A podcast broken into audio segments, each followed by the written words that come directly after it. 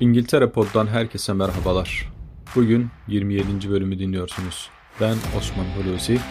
Burası Cambridge, İngiltere.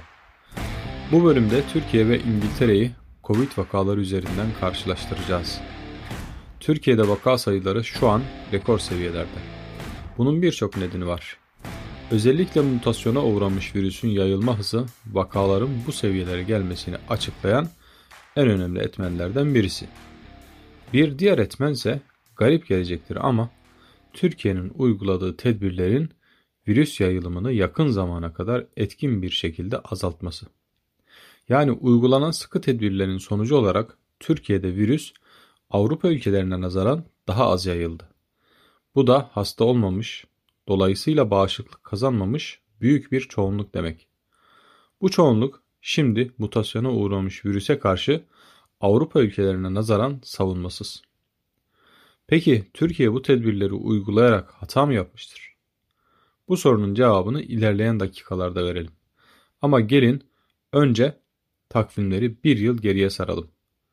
Bunu yaparken de Türkiye ve İngiltere'deki yaklaşımları karşılıklı ele alalım. 2020 Mart ortası.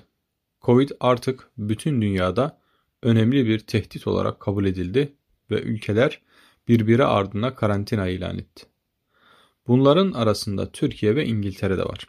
Ancak bu karantinalar farklı uygulandı.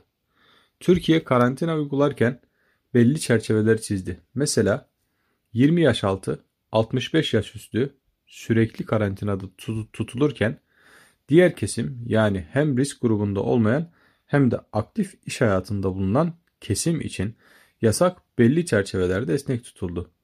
Bundaki gerekçe tabii ki ekonominin durmasını engellemekti. Bununla birlikte Türkiye'nin son derece keskin bir şekilde uyguladığı bir tedbir daha vardı. O da maske. Türkiye'de sokakta dahi maskesiz gezmek yasaklandı. Dönelim İngiltere'ye. Aynı dönemde İngiltere ne yaptı? İngiltere yaş sınırlaması olmaksızın bir karantina uyguladı.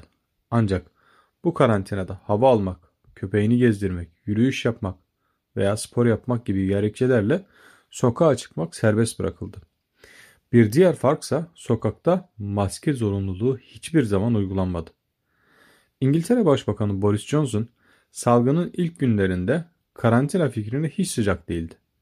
Sosyal hayatı olduğu gibi devam ettirip sürü bağışıklığı metodunu uygulamak istiyordu.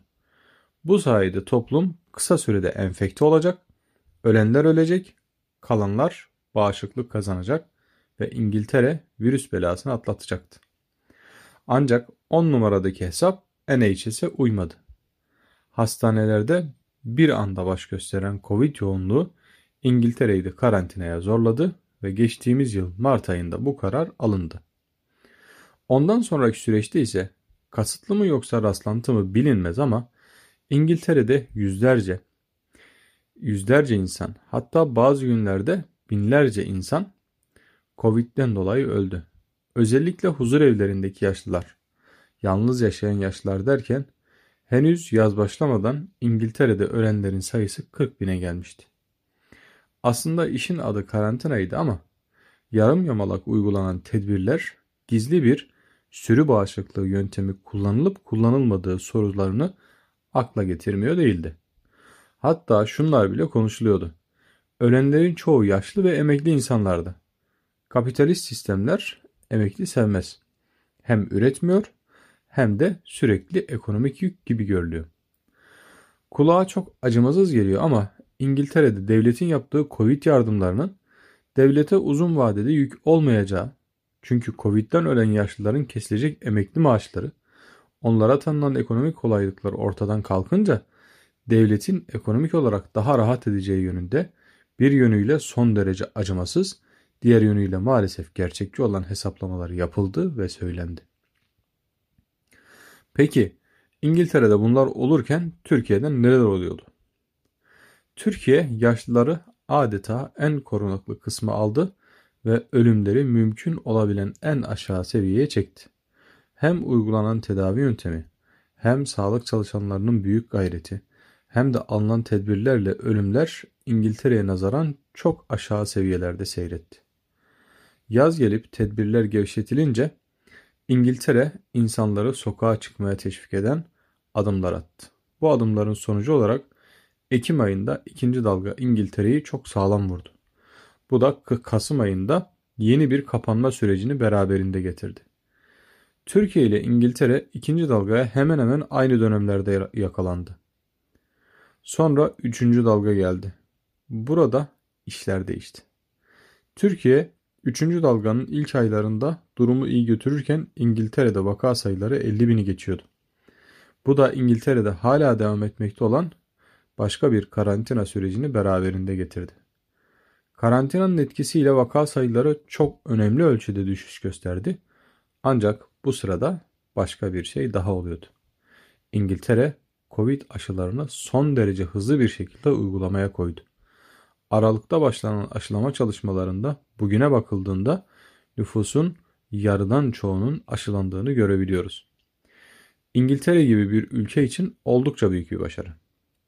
Tekrar dönelim Türkiye'ye.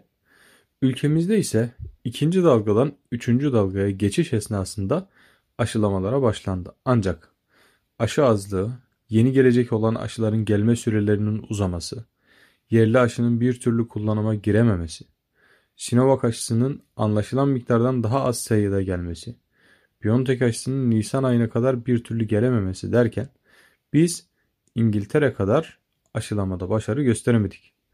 Bu da bizim 3. dalgaya çok daha zayıf halde yakalanmamıza neden oldu. Türkiye'de vaka sayıları günlük 60 binin üzerinde seyrediyor. Bunda yapılan test sayılarının da 300 binden fazla olmasının etkisi tabii ki yatsınamaz. Ancak yine de günlük 60 bin üstü vaka sayısı nereden bakarsanız korkutucu.